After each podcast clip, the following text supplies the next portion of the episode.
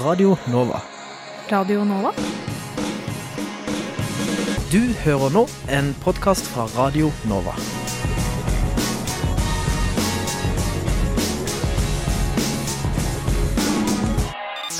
Studentnyhetene.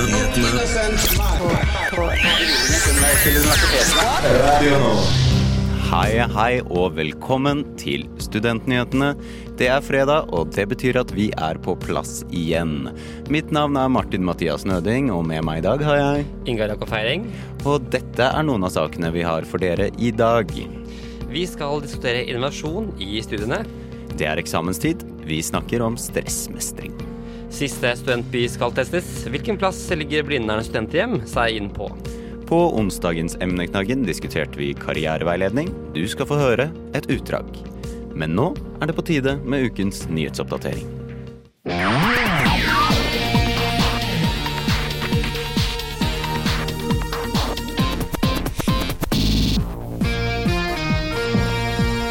Samfunnsmaten i Oslo og Akershus har de høyeste leieprisene for studenthybler i landet, ifølge Krono. I regionen må studentene i snitt ut med over 4700 kroner for en enkelthybel.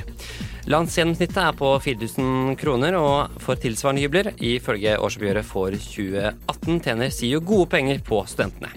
Og ved utgangen i 2018 hadde de 476 millioner kroner på bok. SIO er også helt i toppen i lønnsutbetalinger til både direktører og styreledere. Blant samskipnadene Melle Krono. Direktør i SIO Lisbeth Dyreberg fikk utbetalt litt over to millioner kroner i lønn og godtgjørelser i 2018. Hun tjener derfor mer enn selveste Erna Solberg, statsminister i Norge. Halvparten av norske studentdemokratier er underfinansierte. Dette kommer frem i en ny rapport fra Norsk studentorganisasjon. Studentdemokratiene mangler dermed midler til å kunne drive og utvikle seg selv. Til Krono sier nestleder og påtroppende leder i NSO, Marte Øyen, at det er svært dramatisk at studentdemokratiene opplever at de ikke har tilstrekkelig finansiering. Det var ukens nyhetsoppdatering. Mitt navn er Ingar Jakob Peiring. Universiteter og høyskoler er steder hvor forskere og studenter er for å lære og lære bort. Men er studentene en stor nok del av denne prosessen? Nei, mener Egle Juajukinite, nyvalgt kvinnelig representant for studentene i Oslo Mets universitetsstyre. Og vi er så heldige å ha deg med i studio. Velkommen til deg. Takk, takk. Kan du kort og greit fortelle hva mener vi når vi snakker om innovasjon i studier? Også når jeg, når jeg snakker om innovasjon i studiene, så mener jeg at uh, studentene skal få innføring i hva innovasjon er, hvordan tenke nytt, hvordan tenke kritisk i, i deres utdanning. For at vi sender jo veldig mange studenter ut i praksis eh, hvert år. Og når de går ut i praksis, så er, jo, så er det veldig fint om de ikke skal bare se problemene, men også se muligheter for forbedring, muligheter for løsning. Og det er her innovasjon kommer inn. Mm. Du sa at studentene skal få vite hva innovasjon er. Hva er egentlig innovasjon? Ja, innovasjon er det eh, det, det, kan forklares med tre ord. Veldig enkelt. Sånn nytt, eh, nyttig, nyttiggjort. Mm. Det er den som brukes veldig ofte. Mm. Mm. I artikkelen som du og Bjørn Harald Hegerberg skrev i Krono, så snakker dere om hvordan innovasjon er viktig for eh, praksisplasser. Eh, betyr dette at dere vil ha fokus på forelesere og administrasjon til universitetet, eller er det studentenes innovasjon som skal stå i fokus? Det er studentenes. Ja. Altså, vi mener ikke at eh, det ikke finnes innovasjon på Oslo OsloMet i det hele tatt, men eh, for at forskere skal drive med innovasjon som vi snakker så mye om, så må vi øke, eller, ja, øke innovasjonskulturen helt fra bachelornivå.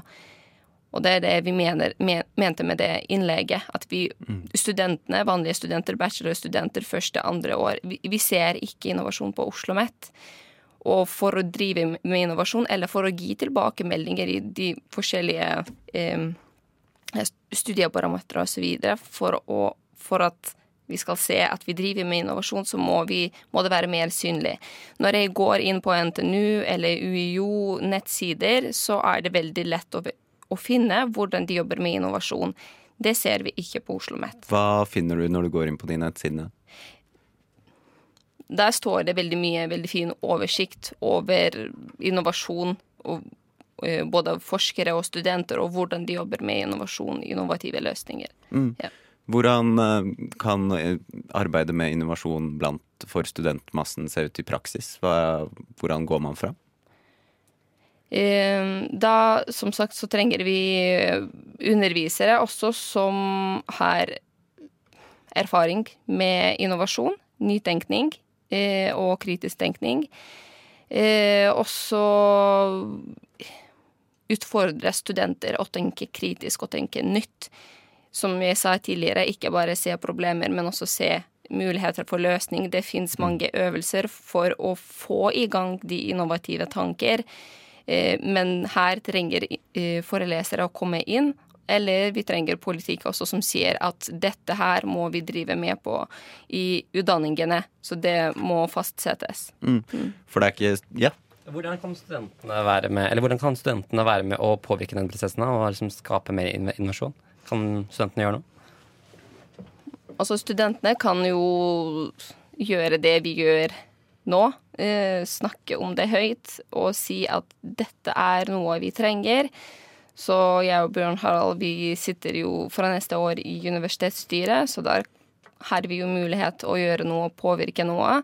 Eh, Samtidig så har vi mange studentrepresentanter i forskjellige råd og utvalg på fakultets- og instituttets og institusjonsnivå. Eh, og studentene etterspør Vi i Sømparlamentet på Oslo OsloMet har jo en resolusjon eh, om der det står at vi, skal, vi ønsker å ha et emne i innovasjon og entreprenørskap. Så det er en vedtatt politikk som viser at studentene ønsker å ha det. Og da trenger vi faktisk ledelse nå som kan eh, eh, gjøre noe med det og sette det i, til verks. Men eh, jeg vet ikke om det kanskje bare er meg eller eh, det andre. Jeg føler at ordet innovasjon er et eh, begrep som eh, kanskje blir slengt eh, rundt litt ofte, uten at man, man er helt sikker på hva man egentlig ønsker, eller hvordan man skal komme dit man eh, vil ende opp. Eh, For det må jo konkrete tiltak til her. Det holder ikke å bare sitte og banke i bordet og 'jeg vil ha innovasjon'. Ja, og det er det jeg Jeg har blitt eh, litt lei av at vi snakker eller hører veldig mye om innovasjon i diverse foraer, eh, men vi ser ikke at man gjør det. Men hvordan kan vi få inn mer innovasjon i utdanningene, er jo enten ha et emne om innovasjon og entreprenørskap, men jeg mener at vi trenger å ha innovasjon eller nytenkning, kritisk tenkning, inn i eksisterende eh, studieprogrammer, eksisterende utdanninger, og, og gjøre studentene mer bevisste på hva det er, og hvordan skal vi jobbe med det.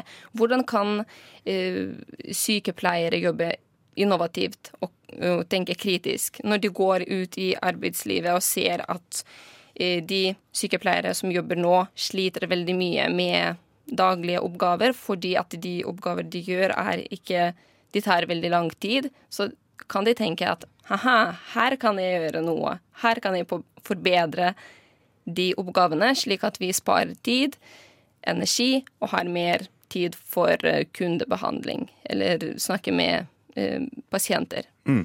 Nye løsninger, nye ting å gjøre på. Uh, ja. Det er jo planlagt at det skal bygges nye campusdistrikter rundt de store utdanningsinstitusjonene i Oslo. Eh, er dette noe dere ser frem til, eller må innovasjonen skje akkurat nå?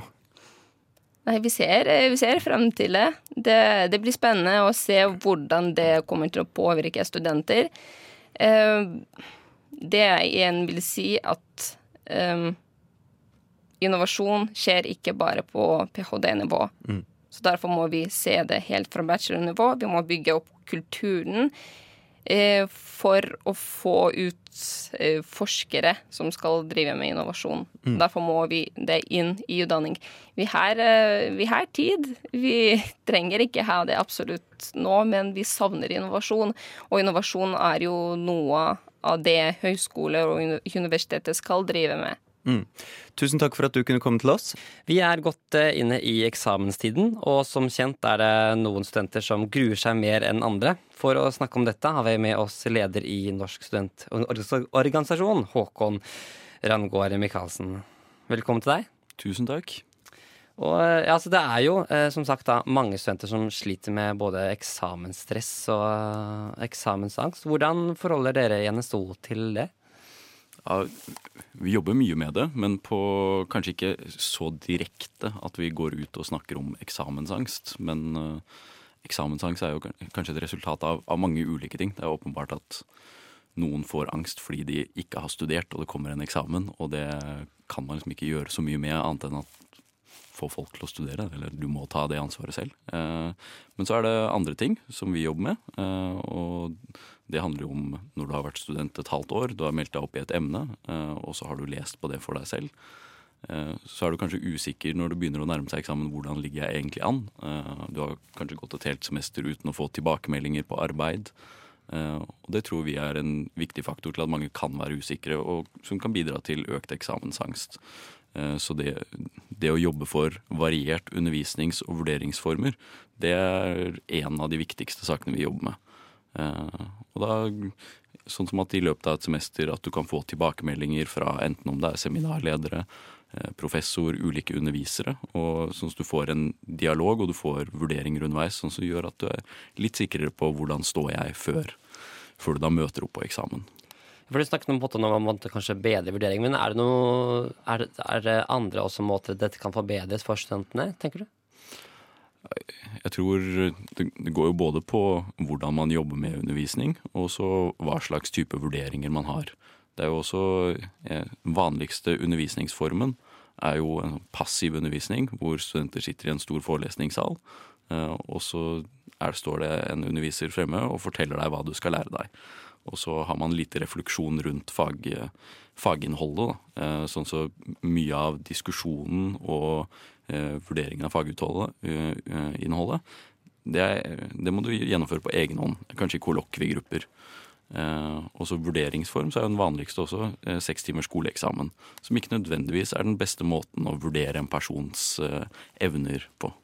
Hva slags andre måter andre undervisningsmetoder føler du at man kan bruke istedenfor, eller endre, endre, til? det? det er en mengde ulike eh, undervisningsformer. Eh, jeg syns noe av det mest spennende er det man kaller flipped classroom.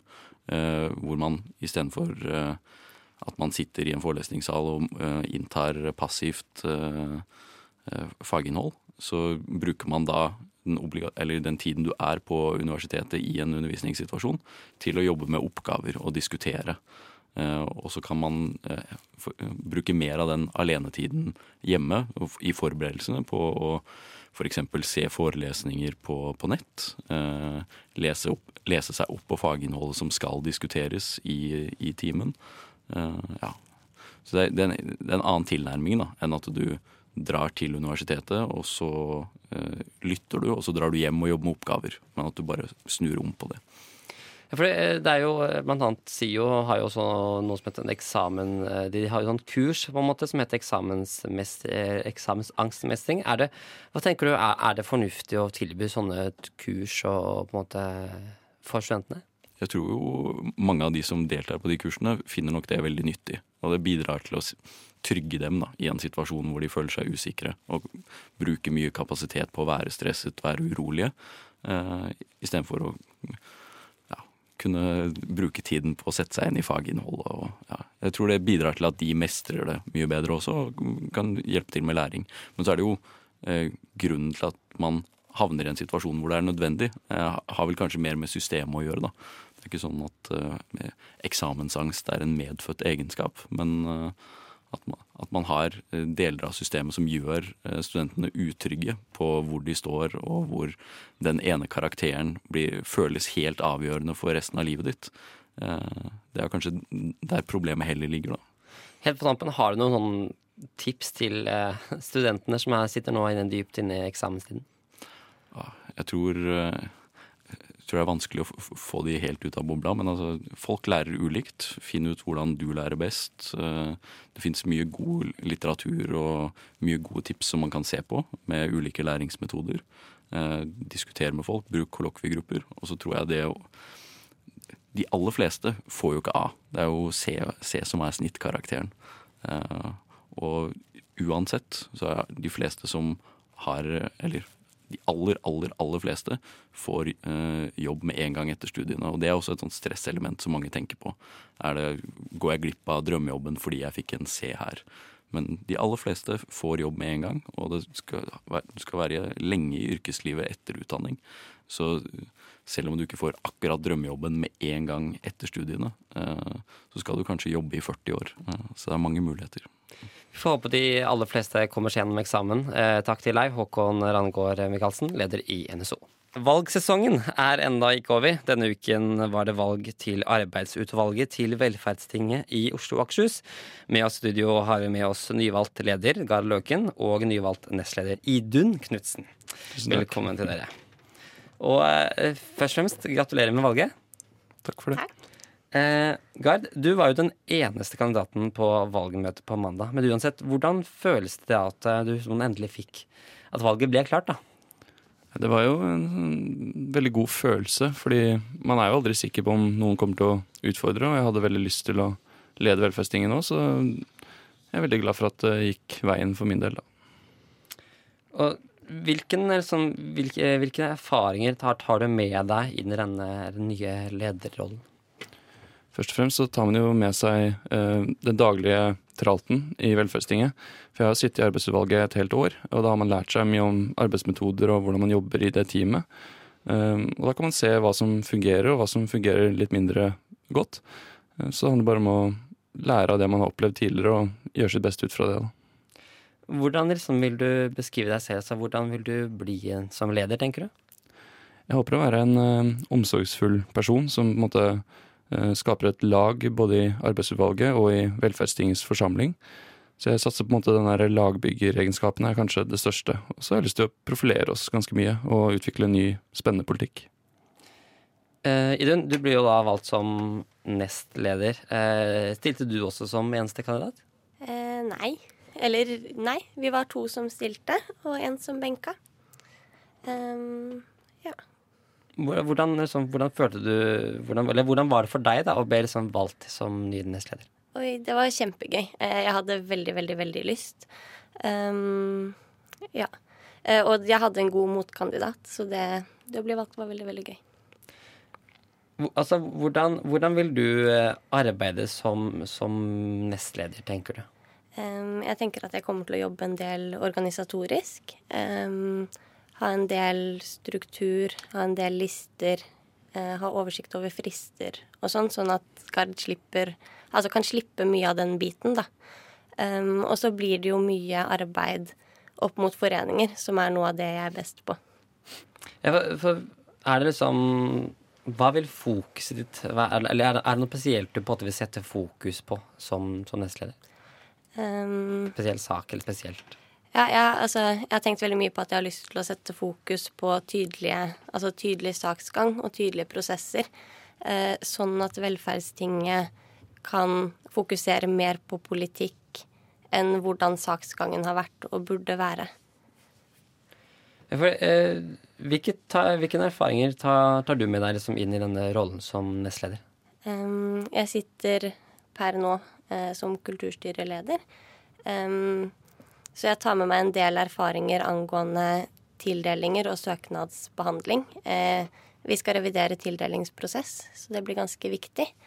Um, og så har jeg vært leder av en studentforening, som jeg også på en måte Jeg tar med meg eh, det organisatoriske derfra. Um, og også kunnskapen om hvordan studentforeninger fungerer. Hva vil, hva vil du sette fokus på som, eh, som leder? Um, Som leder så tenker jeg at det er viktig å på en måte til en viss grad peke ut en retning for organisasjonen. Men det viktigste, det overordnede målet for meg med hele Velferdstinget, det er å gjøre Oslo til um, Norges beste studentby. Fordi vi ligger et stykke bak der, og jeg syns at vi skal Vi har alle forutsetninger til å gjøre det langt bedre enn det vi gjør. Eh, Så alt må på en måte dreie seg om å få studentene til å få en bedre hverdag. Um, og det gjøres jo bl.a. med ja, tildelingsprosessen som Idun nevner. Det er å synliggjøre hvilke partier som er gode for studentene i lokalvalget. Um, og det er det å på en måte integrere fagskolene godt inn i velferdstinget, så at vi får enda flere perspektiver og enda bedre politikk. da. Hvordan blir det for dere nå å jobbe, jobbe sammen da, mot liksom, målene til organisasjonen? Tenker Ja. du Idun, eller? Eh, jeg tror det kommer til å bli bra. Jeg tror vi utfyller hverandre godt. Um, som kulturstyreleder så sitter jeg jo på Eika nå, så jeg har jo på en måte Jeg ser jo Gard de dagene jeg er på jobb. Um, jeg tror vi har liksom forskjellige kvaliteter som kan utfylle hverandre. Mm. Ja, det er jeg helt enig i, faktisk. Så Idun var eh, høyt ønsket av meg som eh, nestleder, må jeg kunne si. Fordi hun, hun er såpass organisatorisk sterk at eh, det vil være en enorm fordel for hele arbeidsutvalget og velfestinget. Eh, Vi sier eh, tusen takk for at dere kunne komme til oss. Gard Løken, nyvalgt leder i arbeidsutvalget til Velferdstinget i Oslo og Akershus, og Idun Knutsen, nyvalgt nestleder i arbeidsutvalget til Velferdstinget i Oslo og Akershus. Lykke til videre med arbeidet videre. Tusen takk. Og det er tid for en siste test av studentbyer i det vi kaller testing av studentbyspalten vår. Så enkelt er det. Den siste heldige ble Blindern studenthjem, og vi skal nå få høre hvordan det er på denne studentbyen, som ligger rett ved siden av Universitetet i Oslo.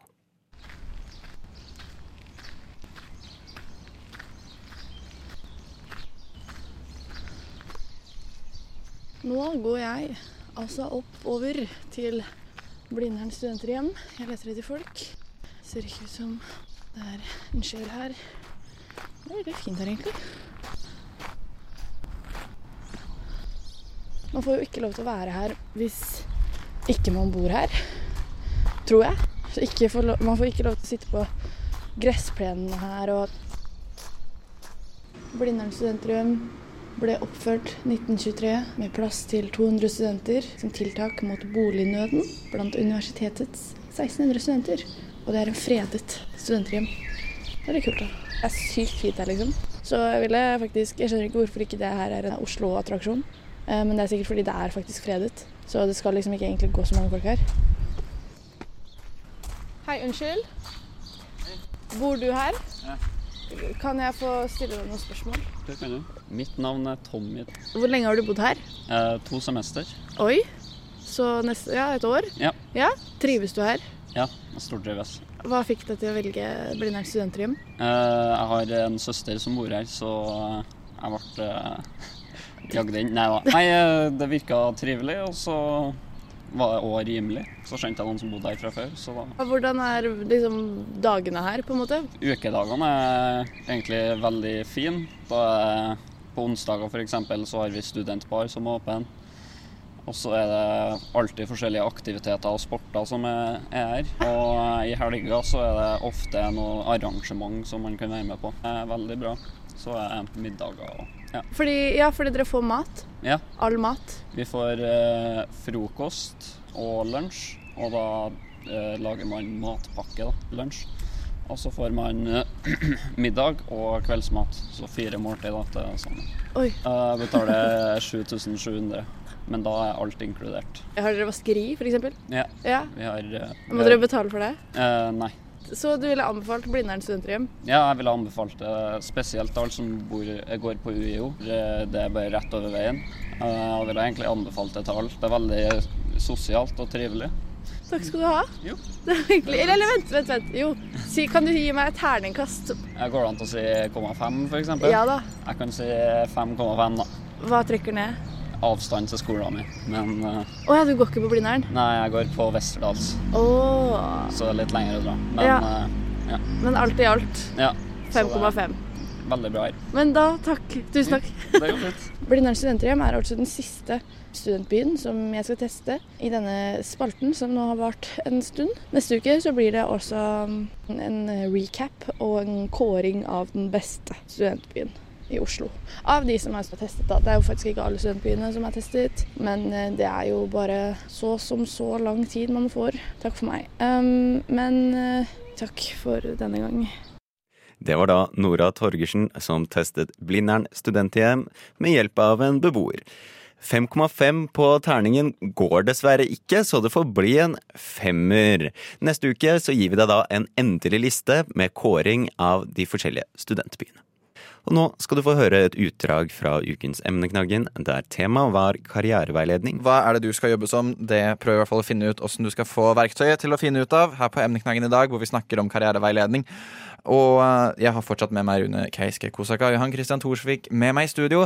Um, og jeg vil gå litt tilbake igjen på, eh, på dette her med å få seg jobb ut av utdanning. For det er kjent at det er ikke så mange som får seg jobb som det de har utdannet seg til, i hvert fall etter en studie. Eh, hva tenker dere litt sånn generelt er grunnen til det? Er det institusjonene sin feil, eller er det arbeidsmarkedet som er vanskelig å komme seg inn på? Jeg, jeg tror jo kanskje det er begge deler. Eh, institusjonene må være bevisst på hva man utdanner folk innenfor. Og så ser man jo spesielt på de gamle akademiske feltene på UiO, eh, så er det jo det er, det er jo fagfelt som ikke er direkte knyttet inn mot arbeidslivet, som er nødt til å finne litt sin egen posisjon i, i eh, gjennom studieløpet. Hva er det man liker å jobbe med? Hva kan jeg bruke dette til i arbeidsmarkedet? Og Da tror jeg jo et karrieresenter kan være veldig nyttig for å forklare til studentene dette er det du kan bruke disse egenskapene til. Så tror jeg jo ved de, både de mindre institusjonene, eh, egentlig alle andre institusjoner enn Oslo OsloMet, så er jo fagfeltene ofte tettere knyttet opp mot konkrete yrker. Og da håper jeg i hvert fall at studentene er mer bevisst på hva er det man ønsker å bli gjennom hele studieløpet. Jo, for, for, Hvem er det som egentlig sitter på disse karrieresentrene? Sånn, jeg hører jo om at liksom, det er karrieresenter, men er det, er det, pedagoger, er det psykologer, er det inspektører som ansetter? Sånn, vet vi hvem som egentlig sitter der? Jeg vet ikke eh, konkret. Jeg kjenner de som jobber på Oslo OsloMet eh, litt. og De er jo karriereveiledere med, med helt ulike grader. Men er de utdanna som karriereveiledere, eller er det helt andre ting? Eh, det er de ikke. Noen av de, I hvert fall ikke noen av de jeg kjenner eh, er det. Eh, så de har jo mest de generelle ferdighetene til å forklare hvordan man skal formidle de egenskapene man sitter inne med. og sånn. Jeg tror jo ikke de kjenner hele arbeidsmarkedet nødvendigvis, så jeg tror de er mest er nyttige til å hjelpe deg med å oversette dine egne egenskaper til noe som er salgbart. Men de har vanskeligere for å si dette er den typen jobber du burde gå på, tror jeg. Men åssen fungerer for dette er noe som jeg ikke har helt satt meg inn i. For Du kan gå til en karriereveileder, men er det sånn at du kan gå dit flere ganger og få hjelp av den samme personen og få et slags type forhold som hos en studieveileder? Eller er det litt mer sånn pop-up, dra dit, snakke med noen, prøve å finne ut noen retninger, og så er det litt sånn Klar deg selv derfra, og så kom tilbake og snakk med noen andre om du trenger det. Jeg vet at Hos oss på Oslo OsloMet så har vi jo litt begge deler. Man har både uh, pop-in-timer, hvor du kan gå inn, snakke uh, løst og fast om de, de utfordringene du har rundt CV-skriving og arbeidssøking. Og så har du muligheten for å bestille lengre timer. Og Da tror jeg du kan også si hvem du ønsker å ha kontakt med hvis du har vært der tidligere, sånn at det er mulig å liksom få få justert det man har prata om tidligere og gått gjennom hvis man, hvis man kanskje har vært på et intervju og det ikke gikk så bra. Hva er det man kanskje skal fokusere mer på eh, ved andre intervjuer. Uh, så vil jeg bare spørre deg, Johan, for Du sa før pausen vår eller før sangen at um, du har ukentlige samtaler med din uh, på en måte, professor, da, eller din pianolærer. Mm, mm. Um, hva går de samtalene ut på? Sånn, hva snakker du med pianolæreren din om? Han, sånn, handler det om arbeidslivet og sånne ting? For du sa at det er litt som å få karriereveiledning. Ja, altså det med, med karriereveiledning kommer, det kommer veldig an på fra, fra lærer til lærer. Um, med min lærer, så, så eh, altså, Disse timene er jo hovedsakelig en pianotimer.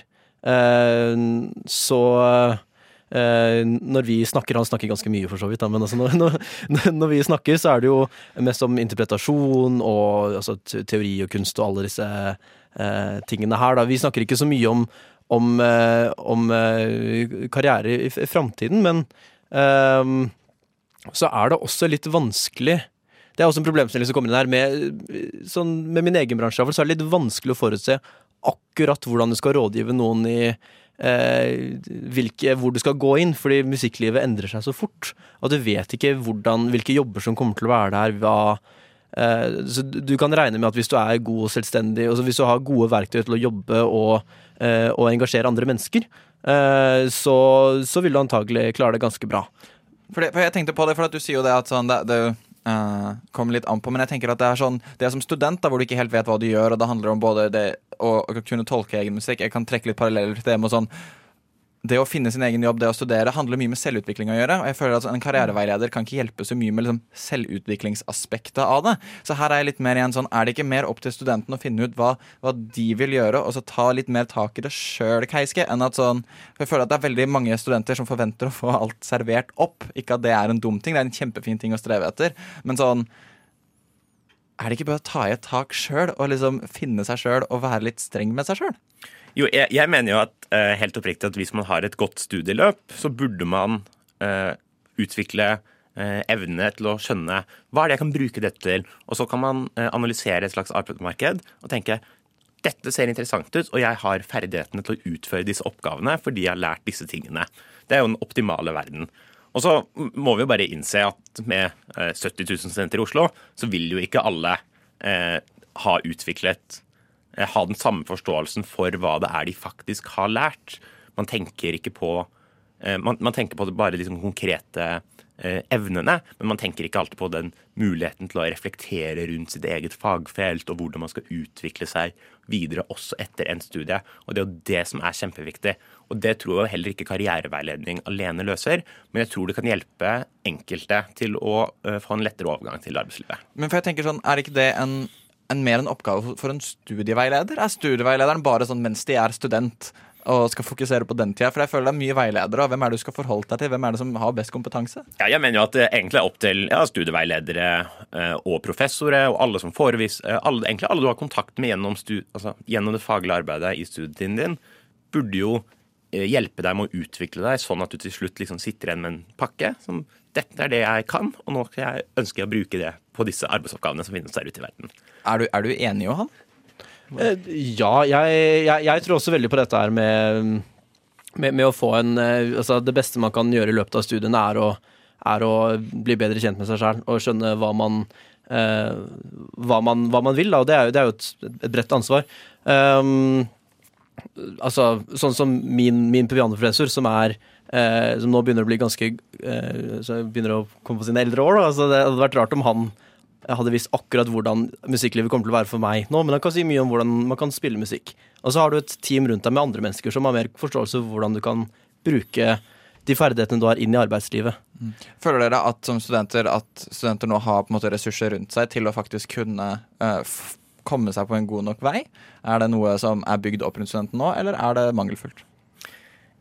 Jeg tror det varierer veldig fra student til student. Jeg mener jo at uh, man har det, og at man har et selvstendig ansvar også til å følge med på, følge med på det fagfeltet man utdanner seg innenfor, sånn at du skjønner hva er det som er ekstra viktig å lære seg, sånn at man får de jobbene man har lyst til på andre enden.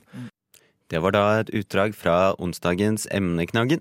I studio var Velferdsing-representantene Rune Kauske Kosaka og Johan Christian Thorsen. Programleder var Magnus Tune. Og Ingar, nå begynner tiden å løpe fra oss. Klokken nærmer seg tolv, og da er det jo andre programmer som skal på lufta her. Ja, det blir satire med radiotjenesten. Uh, først og fremst så vil jeg også gi en shout-out til uh, faren min Øyvind Mathiassen, for det ba han om i går. Så da gjorde jeg det akkurat nå. Ellers uh, så har vi vært Studentnyhetene. Mitt navn er som alltid Martin Mathias Nøding, og med meg i studio har jeg hatt Ingar Jakob Feiring. Og hvis du har lyst til å finne mer av innholdet vårt, så kan du søke oss opp på Soundcloud, iTunes eller andre steder hvor du finner podkast. Følg oss også gjerne på Facebook, Instagram og Twitter. God Du har hørt en podkast fra Radio Nova. Likte du det du hørte? Du finner flere podkaster i iTunes og på våre hjemmesider radionova.no.